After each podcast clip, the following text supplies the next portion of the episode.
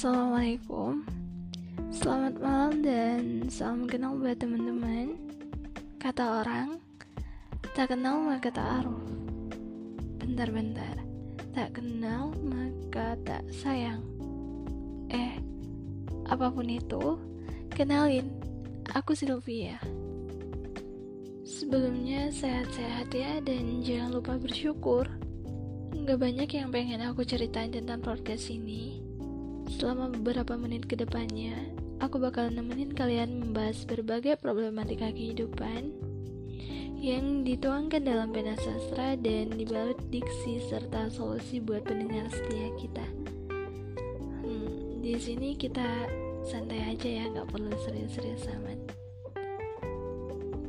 Oke, selamat mendengarkan dan salam pencinta pena.